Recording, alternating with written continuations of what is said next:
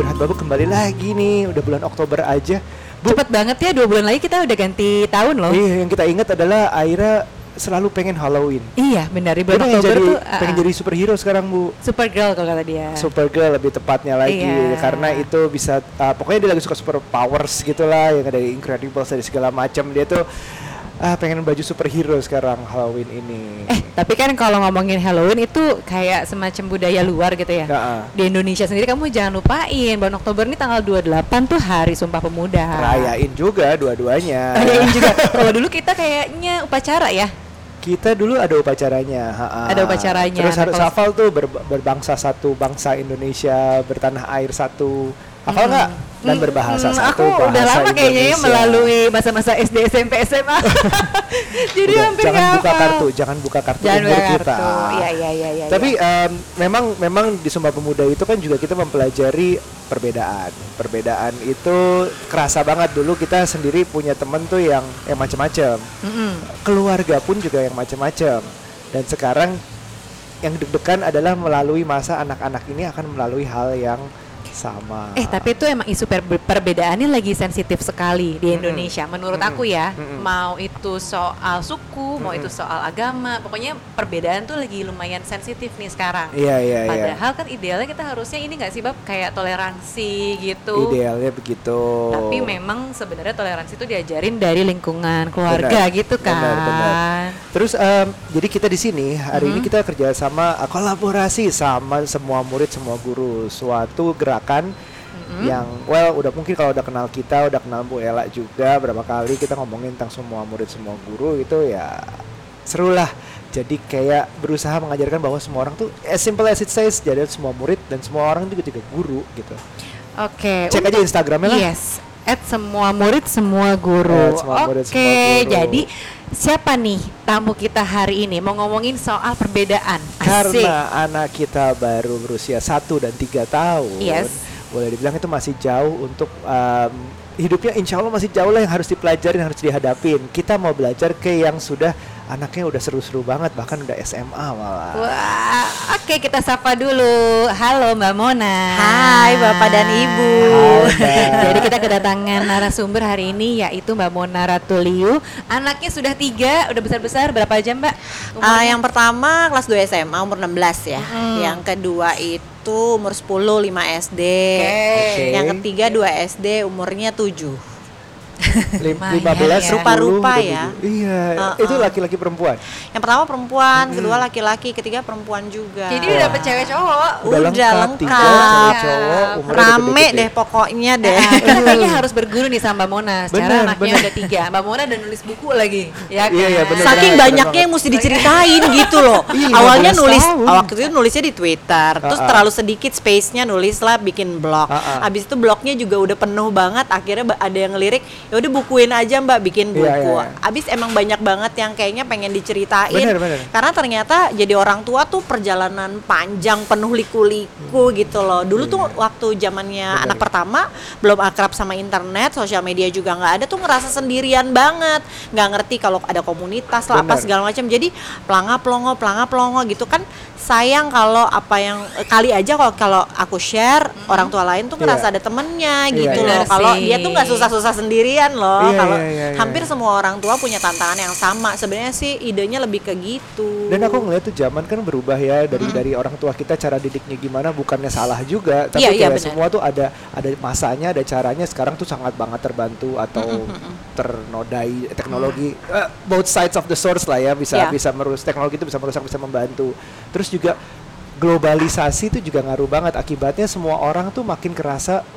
banyak beraneka ragam dan akhirnya ya bercampur dan berbeda-beda tuh jadi satu gitu Iya. Bener sih. Nah, tadi nyambung kayak Mbak Mona bilang zaman dulu tuh kayak rasanya sendirian nggak ada teman gitu kan. Iya. Sebagai ibu. Nah, circle pertemanan yang seperti apa sih zaman dulu Mbak? Cailah zaman dulu enggak Mbak? Nggak bermaksud zaman dulu kok Mbak maksudnya pada masa itu. Nah, Iya, iya. dulu tuh ya berapa, cari 15 tahun lalu berarti 15 kan? ya betul 15 tahun yang lalu tuh aku mencari ilmu-ilmu ke orang tuaan itu Ha-ha. akhirnya caranya adalah untungnya pada saat itu mulai bermunculan sekolah-sekolah bayi itulah. Oh. Jadilah anakku umur 8 bulan tuh udah disekolahin si bayi-bayi itu. Oke. Baby gym gitu Iya, kan. iya, iya. Dalam rangka sebenarnya bukan nyekolahin anak tapi pengen banget ketemu uh, orang tua lain karena gue tuh kan uh, umur 20 menikah, umur Iya. 21 punya anak. Betul. Jadi teman-teman tuh nggak ada satupun yang belum ada satupun yang menikah, apalagi punya anak kan. Oh, Jadi itu zamannya mungkin masih kayak entah kuliah atau kuliah baru kuliah kerja gitu ya. Jadi hamil di tengah-tengah masih kuliah waktu Oh. itu jadi ini tuh mau ketemu komunitas ibu tuh di mana tuh bingung Oke, gitu oke. jadi akhirnya solusinya karena waktu itu lihat uh ada nih sekolah bayi-bayi pasti ketemu ibu-ibu yang lain kan Iya. ya udah akhirnya masukin anak ke situ dalam rangka pengen ketemu komunitas ibu-ibu gitu Kalau Oh. misalnya keluarga sendiri ada nggak sih mbak? Maksudnya lingkungan dari keluarga yang ikut ngajarin soal parenting gitu zaman dulu? Eh, sebenarnya nyokap ya, eh, cuma waktu itu ditanyain juga katanya, aduh mami udah lupa nih waktu itu Iya. gimana ya gitu. Atau yang dia tahu aja gitu. Ya, ingat. yang dia Ah. ingat, yang dia tahu. Untungnya dulu juga nyokap support ASI, jadi ya lumayan lah ya nggak terlalu gapnya nggak terlalu Iya. jauh juga. Cuma sisanya sih bener-bener nggak ngerti gimana Hmm. cara ngasuhnya, apalagi anak anak anak kita tuh karakternya juga beda sama eh, mungkin anak-anaknya nyokap Iya, iya. jadinya misalnya anaknya nyokap cenderung antang terus tiba-tiba anak kita agak rewel gimana cara ngadepinnya juga dia nggak tahu Iya, iya, gitu. iya, Oke. Oke. Jadi di Baby Gym itu uh, ketemu orang parents-parents dari different background berarti. Betul, eh, yang seru backgroundnya tuh apa tiba-tiba ternyata ada yang beda cara polanya atau bahkan beda suku, beda agama, beda Dulu dulu sih rasanya pokoknya yang penting ketemu sama orang-orang yang satu rasa lah ya. Oh Iya. sama-sama repot kok jadi orang tua berarti gua nggak Ah, sendirian. oke. Iya. Itu aja udah enak banget rasanya gitu. Oh ternyata anaknya sama-sama rewel walaupun kerewelannya beda-beda Iya. gitu. Terus lumayan lah dapat masukan-masukan. Oh kalau anak gua rewel begini. Oh Iya. kalau anaknya situ oh apa ya yang cocok buat uh, anak gua apa ya. Pokoknya banyak lah uh, lebih ke masukan-masukan sih karena anaknya masih bayi-bayi semua ya. Konflik sih masih belum Iya, iya. ada sih waktu Nah itu. sekarang ini kan anak-anak udah pada besar mbak. Konflik-konflik seperti apa sih yang yang muncul gitu? Ah seru deh pokoknya. ini, ini kita Kebayang butuh, sih butuh tiga- podcast tiga jam apa besar Tiga tiga, jam ya, hari sampai besok kayaknya Tiga jam podcastnya. kayaknya juga kurang banget sih. Iya kan, aku kebayang gini tiga anak, terus eh, di sekolah mereka udah beda-beda nih ya, kelasnya Ah. kan udah beda-beda. Iya. Pertemanannya beda-beda. Itu kayak gimana gitu ngajarinnya mbak? Iya. Kalau yang cowok sih sebenarnya mungkin kalau cowok agak lempeng ya, nggak terlalu drama ya. Jadi lebih ke mm, misalnya kalau di rumah tuh kalau dia salah nggak cuma minta maaf, tapi di di, di eh, apa? Jadi bukan cuma bun aku maafin ya, aku misalnya udah tumpahin air gitu. Oke. Tapi dia kalau di rumah kita tuh maaf ya bun, bunda perlu ganti rugi nggak gitu. Jadi dia Oh. dia berkewajiban untuk menanyakan, Iya, karena iya, kan gue juga nggak Primers mau ya, nanti kalau dia udah gede nabrakin mobil orang minta maaf terus kelar Iya. dia harus tanya ini gue perlu ganti rugi nggak gitu kadang-kadang kita Iya. bilang nggak perlu kok tapi kadang-kadang kayak misalnya numpain air perlu ganti rugi nggak perlu uh, Bersihin. kita bersihin bareng-bareng yuk Ah. airnya gitu itu salah satu bentuk ganti ruginya tanggung gitu jawab lah Iya, ya. tanggung biar, jawab biar lah rasa gitu rasa kata maaf tuh nggak terlalu murah gitu Iya. gampang aja Iya diucapin terus udah gitu ya. dia harus menyelesaikan aja. masalahnya kalau memang perlu diselesaikan gitu kan nah begitu ke sekolah temenku nggak ada yang mau ganti rugi bun aku kesel banget deh gitu konfliknya masa nggak ada yang mau ganti rugi aku padahal bilang aku perlu ganti rugi tapi mereka aduh nih bingung nih ya ketemu dengan perbedaan Iya, iya, gitu. perbedaan itu namanya. kalau yang cewek-cewek sih kalau yang cewek-cewek tuh eh, banyak banyak hal deh kayak Hmm. misalnya apa oh temanku aku pengennya main sama dia tapi dia nggak mau main sama aku gitu terus dia tuh kak kalau ngomong kok uh, marah-marah terus Iya. misalnya terus dia aku sebel deh dia nggak mau merhatiin pelajaran tapi giliran aku bilangin eh dia marah gitu banyak banget Ah. hal deh kalau cewek itu di usia-usia SD ya oke oh, oke oke. Konfliknya kayak gitu ya. Terus kamu, kalau- kamu tadi tuh bilang Gitu. soal perbedaan gitu kan.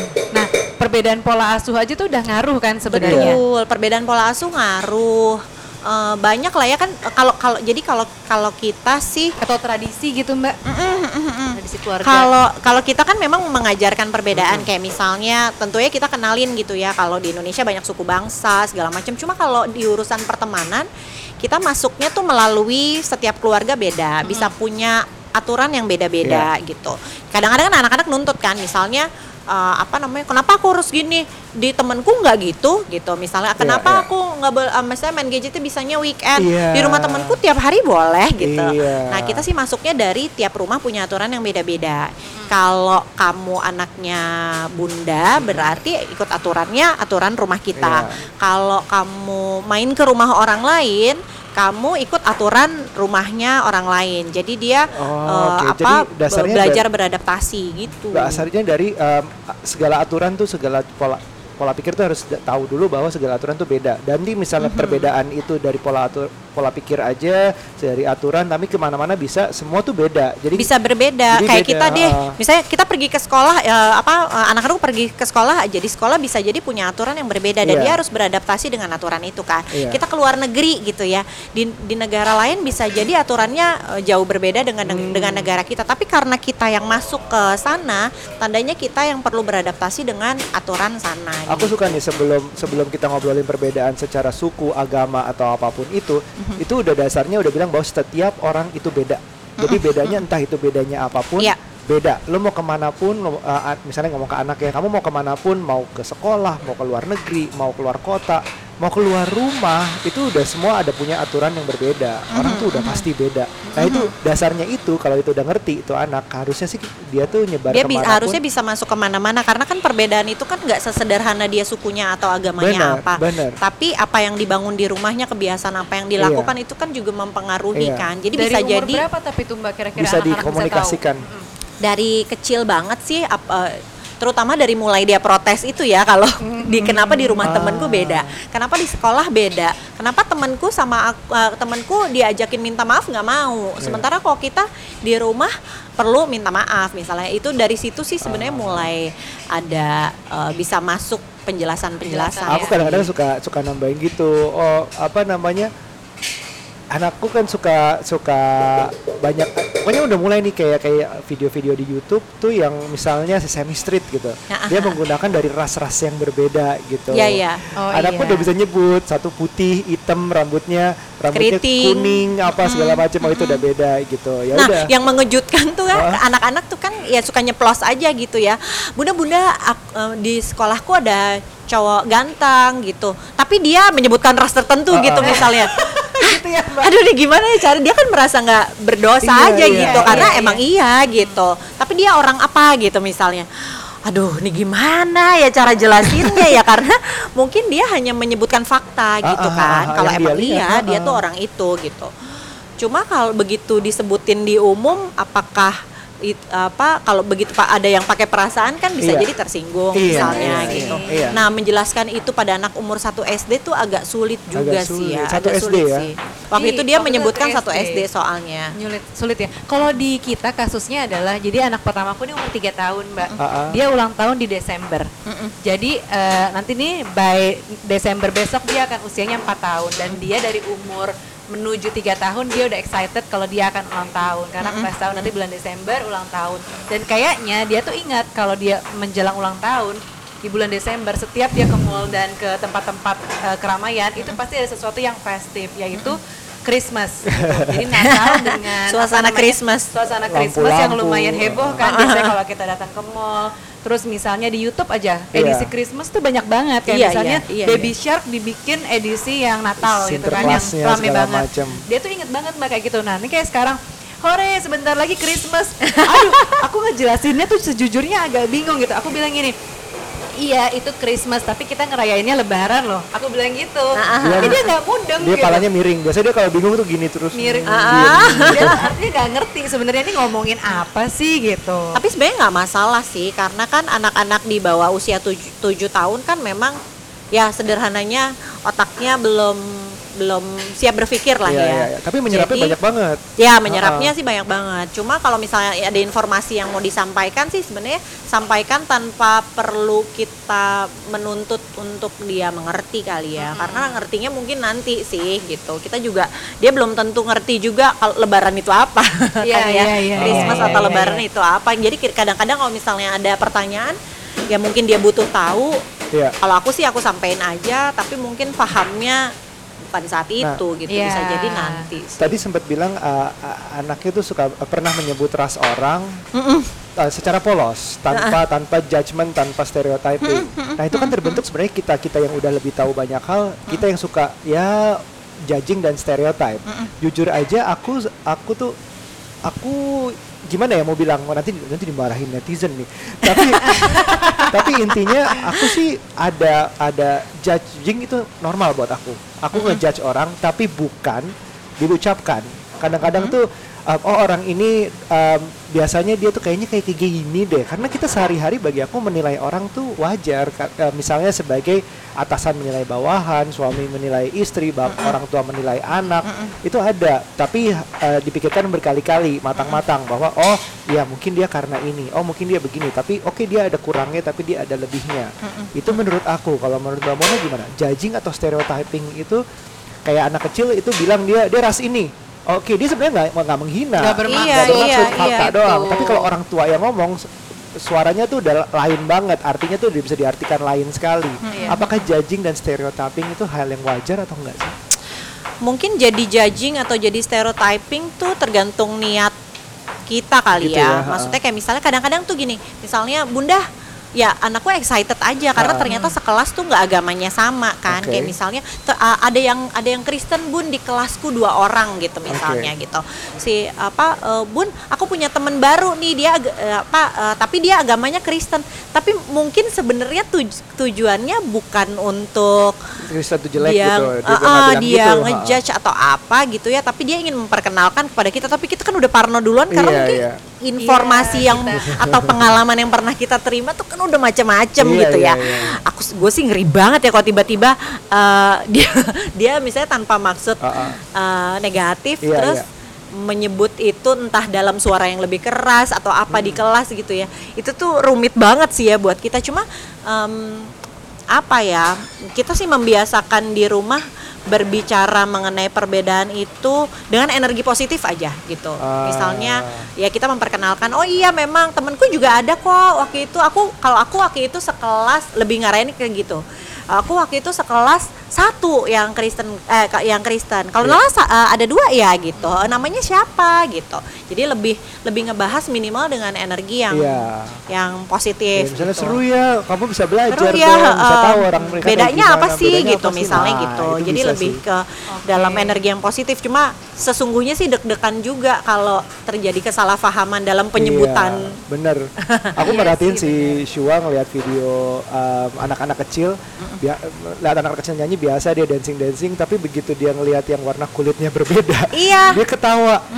Gue yang, aduh, gue mau yang mau jelasin nanti dulu ya. deg-degan Eh, ya. Nggak, gini kadang-kadang gini misalnya nih Mas eh, dari kelas 1 naik kelas 2 gitu ya. Terus kan dia belum ta- belum ngeh nama temen-temennya. Ah. Tapi dia pengen cerita gini. Bunda-bunda tahu nggak sih temenku yang kulitnya hitam itu Nah. misalnya atau temenku yang rambutnya keriting, temenku yang Kristen itu aduh gue deg-degan Bener, bener sih. banget Iya. bener, Bener, deh bener, dengerin. bener, bener, Tapi bener. itu hanya karena dia lupa namanya, tapi dia pengen Iya. ceritain. Ingat Ah, nggak ah. Bun yang tadi ketemu sama kita yang Bener. rambutnya keriting kulitnya hitam itu tuh sesungguhnya dia cuma pengen ngingetin kita temen yang itu loh Iya, gitu. iya, cuma iya. kan karena lupa namanya dan dia juga nggak ngerasa itu uh, satu hal Iya, yang gimana gimana ya. Karena Jadi dia cuma mendeskripsikan fisiknya Ah, aja, yang ah. paling dia ingat, paling dia lihat di pertama adalah itunya gitu. Which is Padahal sih aku pernah dengar juga tuh sebaiknya kenalkan anak pada misalnya kayak karyanya atau potensinya apa. Jadi Iya. kalau ketika misalnya ketika ada kayak gini-gini nih, jadi yang dia sebut tuh bukan kayak fisiknya si orang Ya oh itu. yang jago gambar itu ya Tapi gitu. kan nggak gampang juga ya. Ini Iya. waktu itu menang misalnya, let's say yang itu waktu itu yang menang les piano itu loh yang Ah. dapat apa penghargaan. Bahkan kalau baru kenal kan dia iya, sebenarnya nggak tahu nggak backgroundnya. tahu background. Yang paling Iya. mudah dia sebut yang dia lihat aja Benar, gitu. benar. si Aira juga ini si boy tapi rambutnya panjang namanya ini dia jadi jadi kayak itunya dulu yang bikin dia berbeda gitu Mungkin kalau yang masih level anak-anak kayak lebih kecil kayak tiga tahun gitu, yang dia lihat memang secara fisik uh, bukannya kalau boy itu rambutnya pendek ya, itu aja sebenarnya udah stereotyping Udah loh. stereotyping, ya kan? ha, ha, ha. Uh, boy kan uh, rambutnya pendek-pendek, kok di kelasku ada boy rambutnya Panjang, panjang. iya. gitu. tapi itu juga karena edukasinya itu sih karena kita em, kalau aku sih kebanyakan kan zaman dulu kan uh, pink itu perempuan, bu- blue itu apa itu laki. Laki-laki. Aku yang enggak nggak apa-apa kok boleh aja nggak masalah gitu. Boy pakai pink boleh, kamu pakai blue juga. Soalnya dia jadi ada ada waktunya dia nggak mau pakai baju warna biru. Iya iya sama kok itu Aku natural terjadi kayaknya ya. sih sebenarnya Iya. ya. Kita juga nggak pernah dengan sengaja eh selalu pink ya kalau cowok itu boy enggak kan ya kita pasti kayak ya udah apa aja campurin warna Iya, abu-abu iya, iya. sekalipun Ah, juga ah, nggak ah, apa-apa ah, ah. tapi emang anak kayaknya punya taste sendiri nggak sih dari usia kecil gitu juga mereka punya taste Ya di rumah pink. juga nggak ngajarin, tapi entah kenapa giliran kita eh eh, kita hari ini pakai baju pink yuk, yang cowok-cowok nggak mau udah, Si anak cowok Gitu. nggak mau ah gitu, itu kan warna girl. Iya, iya, iya. Oke apa ap- mungkin karena kebiasaan yang dia lihat tiap hari kalau girl tuh suka pakai warna warna pink Benar. sementara cowok-cowok kayaknya nggak Ya. ada yang pakai warna pink Iya. terus dia jadi menilainya oh itu warna buat girl begitu gitu dia kali ke ya mall begitu dia keluar dia ngelihat bahwa oh nggak ada nih boy pakai pink gitu mungkin dia kayak tetap gitu nggak mau kali. sih walaupun akhirnya juga diobrolin kalau eh nggak apa-apa lagi cowok tuh pakai baju pink Iya. bukan berarti terus dia jadi girl juga gitu cuma seru sih sebenarnya buat dibahas untuk Iya, jadi iya, iya. bahan apa ya pemikiran si anak Iya, juga aja sih. Karena walaupun juga- belum tentu dia mau juga Benar. diajakin pakai Karena itu juga perbedaan. cowok sama cewek udah perbedaan gitu. Jadi kita harus ngajarinnya udah pada yang pagar-pagar yang oke lah. Nggak bisa tentu nggak bisa semuanya disamain juga. Misal uh, bahaya gitu kalau semuanya benar disamain. Tapi kita harus jelaskan perbedaannya seperti apa. Nah kalau Mbak Mona sendiri tapi pernah nggak sih ngasih eh, ngajarin anak-anak untuk memilih pertemanan? Misalnya eh, Dek kalau bisa jangan main sama yang si A ini ya Let's say misalnya nih entah itu bandel banget gitu misalnya ya Kayak membahayakan lah bandelnya ada aja kan Atau misalnya ada kebiasaan-kebiasaan yang menurut kita kayaknya nggak bagus ini deket-deket anak gue Ada nggak sih Mbak? Kalau ngajarin untuk main sama tipe orang tertentu sih sebenarnya enggak. Oke. Eh, mereka boleh main sama siapa aja. Tapi mereka juga boleh memilih untuk nggak main sama semuanya. Oh, Kalau gitu. kita maksudnya kan kita juga walaupun waktu itu sekolah zaman kita dulu kan sekolah 40 orang tuh ya. Cuma kan kita sekarang berapa berapa orang sekarang 20-an Ya, gitu 20-an kali ya ya. atau Iya. eh, eh, atau 40 di bawahnya. menurutku dulu asli Cuma walaupun sekelas 40 orang, kita toh deketnya paling sama Iya, tiga iya, iya. orang. Benar. Iya benar sih Atau ngegeng sama lima orang. Iya, iya, Dan iya. kalau zaman dulu kan nggak boleh. Iya. Kamu harus main sama satu kelas, nggak boleh cuma Iya. sama itu-itu aja. Tapi memang eh, apa secara natural kita kan memilih sama yang mungkin Iya. energinya sama sama kita, Benar. hobinya mungkin sama, kesukaannya sama. Jadi aku memperbolehkan sih mereka untuk deket sama orang tertentu yang Iya. mereka pilih. Ha-ha. Tapi mereka boleh main sama semuanya, mau agamanya beda, mau sukunya beda, Iya. mau warna kulitnya beda. Kita sih sebenarnya membolehkan, Iya. tapi kita juga tidak mengharuskan mereka untuk deket sama sekelas gitu misalnya. Gitu. Aku kalau aku saat ini sih umur tiga masih aku bilangin kayak uh, semua orang baik kok pada dasarnya. Tapi kamu sama yang bapak bilang baik aja kok ya. Kalau begitu bapak bilang nggak baik baru jangan gitu. Misalnya, misalnya stranger kan, gitu dia nggak kenal siapa itu terus tiba-tiba diajak apa gitu kan juga masih ada gitu. Iya. Cuman nah, iya soalnya jadi kita juga kan perlu perlu eh, apa ya? mm, nggak nggak melemahkan eh, apa namanya secara Judgment natural kan dia. mereka punya punya eh, kemampuan untuk melindungi diri tuh gitu. Maksudnya dalam rangka nggak melemahkan juga. Misalnya kalau kita bilang semua orang harus ditemenin Iya. gitu, mau kaya, mau miskin, Iya. mau eh, agamanya apa segala macam. Tapi kan sesungguhnya di kehidupan nyata kan kita kan juga memilih kan. Iya, iya. Misalnya Bener orang sih. untuk masuk rumah kita minimal. Ah. Kan nggak semua orang yang lewat depan rumah kita juga kita bolehin Iya, masuk. iya. Itulah kenapa ada pagar kan di Iya, rumah. iya, iya, iya, iya. Jadi Iya, iya. hanya orang yang kita izinkan yang kita bolehin masuk ke rumah. gitu. benar, benar. Makanya akhirnya aku di pertemanan juga nggak apa-apa kalau memang kamu nyamannya cuma sama si tiga orang itu Mm-mm. atau lima orang itu Oke. itu boleh. Tapi kamu boleh kok berteman sama semuanya gitu. Kamu boleh memilih siapa aja. Tapi juga yaitu untuk tidak melemahkan si eh, apa sistem mempertahankan Iya. dirinya dia. Oke jadi masih ada filter-filternya gitu ya Iya, Mbak ya karena toh dalam kehidupan nyata Iya. kita memilih Iya sih sebagai kita orang tua juga sebenarnya kita bukannya memilih teman sih Iya. Eh, by nature itu akan diseleksi alam gak sih mbak? Nah, kita pernah Tadinya bahas nih. Ah, Iya. Kita pernah bahas nih di podcast juga. Misalnya kita ngegeng bersepuluh waktu SMA. Nah sekarang nih begitu kita udah punya anak, kita punya kesibukan, ujung-ujungnya aku cuman berteman akhirnya cuman satu dari sepuluh. 10 orang. di geng aku itu.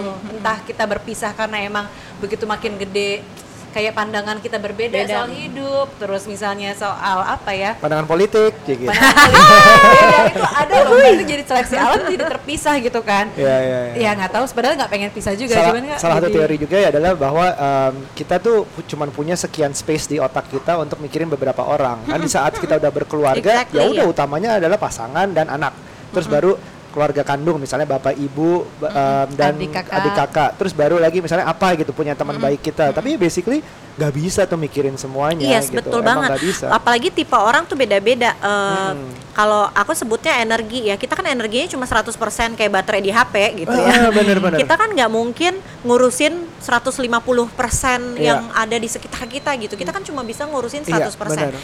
Kalau aku sih prinsipnya sampai di rumah harus tetap nyisain energi untuk ngadepin anak-anak, ngadepin suami. Kalau nggak jadi marah-marah Iya. terus kan. Jadi ya memang akhirnya prioritas gitu. Iya, benar. prioritasnya yang perlu dipikirin apa? Misalnya dalam satu hari ada reunian SMP, ada si temen SD mau ketemu, Iya. ada si ini punya masalah kita Apalagi mau bulan bantuin. puasa tuh, bukber. Heeh, kan? Iya kan bukber sini, bukber sana, si ini mau bantuin si ini, mau bantuin si itu. Nanti kalau energinya habis malah keluarga sen- kita sendiri kan yang nggak dapat. Nah, apalagi aku juga punya pengalaman anakku yang pertama yang SMA ternyata agak bermasalah dengan mengelola energi, Oh, gitu. emosi. Bukan bermasalah sih ya. Proses belajarnya tuh agak lebih Berbeda ya? eh, berbeda gitu, agak sedikit lebih eh, rumit gitu ya. Oh, Kalau oke. misalnya aku har- mengharuskan dia peduli sama semua yang ada di lingkungannya, Iya, iya, iya. mungkin akan lebih jelimet lagi Bener. buat dia gitu. Jadi memang kita juga ajarin di rumah untuk prioritasin apa dulu nih yang perlu Iya. dikerjain gitu. Bener. Dan bikin prioritasnya kecil aja. Misalnya hari ini aku cuma mau ngerjain tiga hal gitu. Yang lain ya berarti dikerjain kalau ada sisa energi. Ah. Kalau enggak ya kita lihat besok lagi kayak gitu. Iya, benar-benar. Gitu deh. Memang yang diajarin tuh akhirnya ini tuh eh, bener ap- apa bisa diaplikasikan di kehidupan nyatanya mereka apa enggak ya gitu. Iya, jadi ada survei tuh Bu. Jadi survei dari Wahid Foundation tuh bahwa dari total 1520 responden eh, kita balik ke stereotyping atau judgment bahwa lim- 59,9% memiliki kelompok yang dibenci. Itu agak kalau kata dibenci tuh kayak kayaknya harsh ya. kayaknya harsh hampir 60% nih angkanya bahwa ada kelompok yang dibenci. Dibenci sama siapa sih maksudnya? Jadi maksudnya ada survei jadi yang bilang bahwa eh, kayaknya mungkin ya pertanyaannya tuh bahwa em, apakah ada ada satu ras tertentu yang dibenci atau agama tertentu atau apa? Ini kan Ternyata jawabannya 60% orang hampir dari 60%. responden Ini 60% dari 1.500 orang yang disurvei Membenci itu- kelompok-kelompok iya, tertentu. Ada mereka mem- memiliki kebencian terhadap kelompok tertentu. Wow. Wow. itu Berarti kayaknya 40% orang doang yang biasa-biasa aja terhadap kelompok-kelompok yang nggak sesuai sama iya. Soalnya yang benci tuh berbeda uh, gitu benci tuh kayak. harsh tuh. Tapi kalau misalnya ada judgement apa stereotyping uh, menu terhadap kelompok tertentu, aku masih ngerti deh. Misalnya oh uh, kelompok tertentu ini biasanya kalau ini dia begini gitu misalnya. Tapi kayak sampai membenci berarti kan to the next level ya aku ngelihatnya ya. jadi kadang-kadang judgment and stereotype bagi aku boleh aja kalau disimpan dan dipikirkan baik-baik. Tapi kalau sampai dikeluarkan dan sampai mendikte kita cara ber- bertindak kepada mereka itu yang agak berbahaya. Jadi kayaknya tujuan kita ngajak Mbak Mona ngobrol di sini adalah pengalaman gimana sih dulu kalau misalnya em, pilih teman gimana dan sekarang ngajarin anak tentang pilih teman tuh seperti apa Oke. bahwa men- menjudge itu bagaimana dan akhirnya cara mengenalkan mereka pilih-pilih teman tuh seperti apa. Iya pada saat eh, mereka ketemu dengan banyak orang, misalnya ketika mereka sekolah gitu ya sekelas dengan orang yang backgroundnya berbeda-beda, pasti ada konflik, pasti ada nggak cocoknya dengan orang yang eh, temennya yang punya culture yang berbeda sama dia gitu. Aku sih eh, ajarinnya tuh lebih ke eh, apa cara menghadapi situasi sulit. Ya Iya. tentunya disederhanakan bahasanya tergantung anaknya usianya Iya, iya, iya. berapa ya. Misalnya dia curhat gitu, dia mau, oh temanku bun kalau kesel pukul-pukul misalnya. Iya, iya. Oh temenku yang ini kalau suka lempar-lempar barang, suka ngerusakin barang aku misalnya gitu. Sementara kalau di rumah dihargain, eh diajarin untuk menghargai barang gitu Ah. ya, untuk merawat segala macam.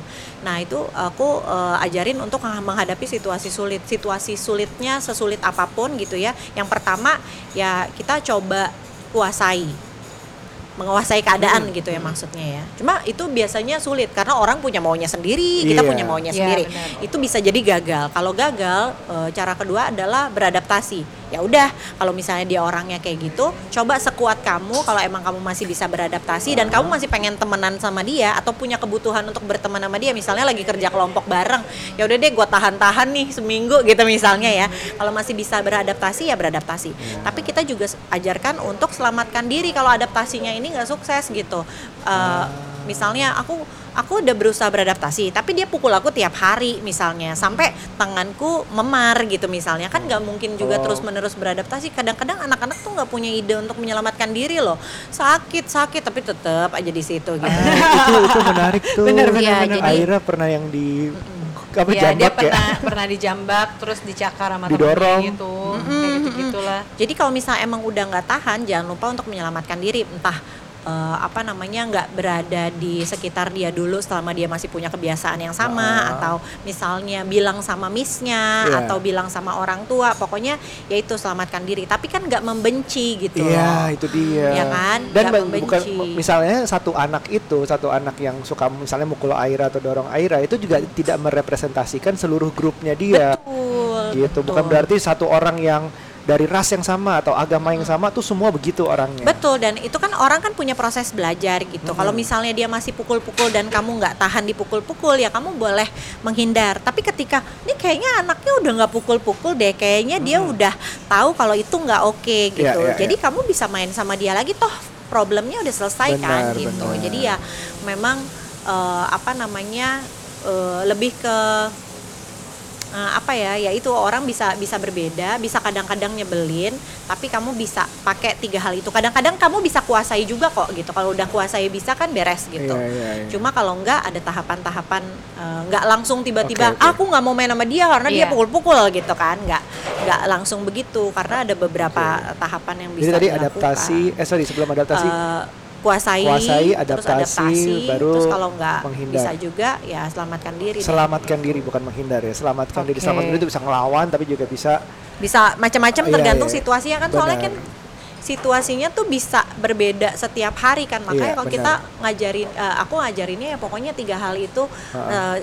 Selamatkan diri alternatifnya bisa banyak adaptasi juga Iya. alternatifnya bisa banyak gitu Oh, aku suka banget, aku suka banget denger um, Catatan anak yang menarik ya yang buat kita menarik yang dan anaknya kita- masih tiga tahun dan satu tahun Ah, ini. uh, dasarnya banget sebenarnya anaknya tuh cerita semua itu paling penting Iya. tuh. Kalau Nah, anaknya betul. sampai nggak cerita keadaan di sekolah Betul. atau kayak gimana itu yang lebih susah betul lagi. memang yang paling sulit dari itu sih sebenarnya terus jadi nggak baper ya gara-gara cerita-cerita Iya. itu ya Dan di Iya saat sih. ngadepin cerita itu gitu kita kenal muka lagi sama ibunya gitu kan. Benar. Makanya aku cek pertama kali kalau temen anakku sahabatan sama uh, temennya Iya, gitu adalah karakter orang tuanya kayak apa karena Iya, kan iya. ternyata se- semua hal tuh bisa terjadi Iya, gitu. benar.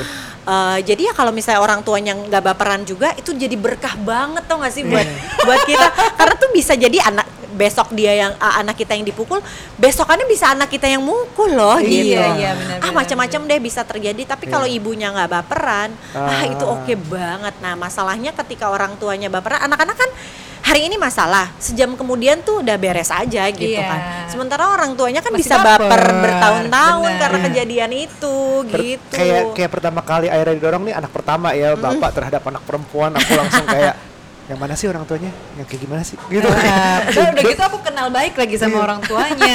di depan di depan Aduh. anakku aku berusaha lempeng aja pokoknya mukanya dia. Oh iya yang kenapa? Kok bisa? Gitu. Sok sok bijak gitu tapi begitu ngomongin Uca, yang mana sih orangnya? "Ah, anak gue diginiin gitu kayak. Tapi lama kelamaan kita oh iya oke udah kenal udah apa gitu. Misi bisa ngerem dikit. Asli tapi memang begitu anak-anak cerita tuh ah emang eh, apa namanya menahan untuk nggak berekspresi berlebihan tuh memang butuh latihan sih apalagi iya. semakin anaknya gede gitu ya semakin terus anak SMP SMA tuh ceritanya bisa lebih aduh aduh lebih masalah Aduh gender gitu lah gimana sih gue harus gimana kayak gue gagal jadi orang tua gitu jadi ya Iya, iya, iya, itu iya. sih emang mem- ya menghadapi uh, anak-anak ya terus balita ada Iya. konflik uh, ya itulah tahapan belajarnya ya. Karena begitu anak-anak makin gede sih makin seru lagi sih konflik yang bisa dihadapin gitu. Tiga ta tiga anak 15 tahun. Wow kita belajar banyak nih. kita baru tiga tahun. Tapi dua anak aja ya bu ya inget ya? Iya kayaknya. boleh boleh. Saya mendukung. Yang didukung didukung gini tiba-tiba satu lagi Oke Mbak Gitu. Mona, terima kasih banyak. Aduh terima waktunya. kasih Terima banget banyak, udah Mbak diajak ngobrol-ngobrol. Kapan-kapan kita undang lagi ya? Boleh banget. Boleh ya, thank you Aku seneng banget. banget ngobrol-ngobrol kayak gini jadi dapat masukan lebih. Thank you ya informasi-informasinya juga tadi. Thank you Kita banget. justru kayak dapat masukan, dapat siraman rohani ya rasa-rasanya ya. Karena kan udah pengalaman anak tiga usia yang lumayan besar dan jauh banget dari anak kita gitu kan. Benar benar. Jadi kayak pengalaman yang baru nih. Jadi Halloween pakai baju apa? Kita jelasin semua tuh Halloween beda-beda. Halloween pakai baju pemuda tahun 45. Jadi Aduh. kawin sama Sumpah Pemuda ya. Iya iya iya benar benar benar benar. Oke, curhat babu hari ini terima kasih banget sama semua murid semua guru udah hadirkan kolaborasi ini. Kita masih terus kolaborasi setiap bulannya ada. Nanti tunggu aja ada apa aja. Uh, selamat Hari Sumpah Pemuda. Semoga kita yang berawal dari perbedaan tuh juga ada persamaannya loh. Kayak ketemu orang tuh kita kenapa suka ma- main sama dia karena ada persamaannya. Tapi perbedaannya itu justru bikin kita lebih kaya lagi. Yang pasti sih mengajarkan anak-anak supaya apa ya? Supaya lebih mengerti akan perbedaan itu. Benar. Oke, Gitu. sampai ketemu di berikutnya. Bye. Bye.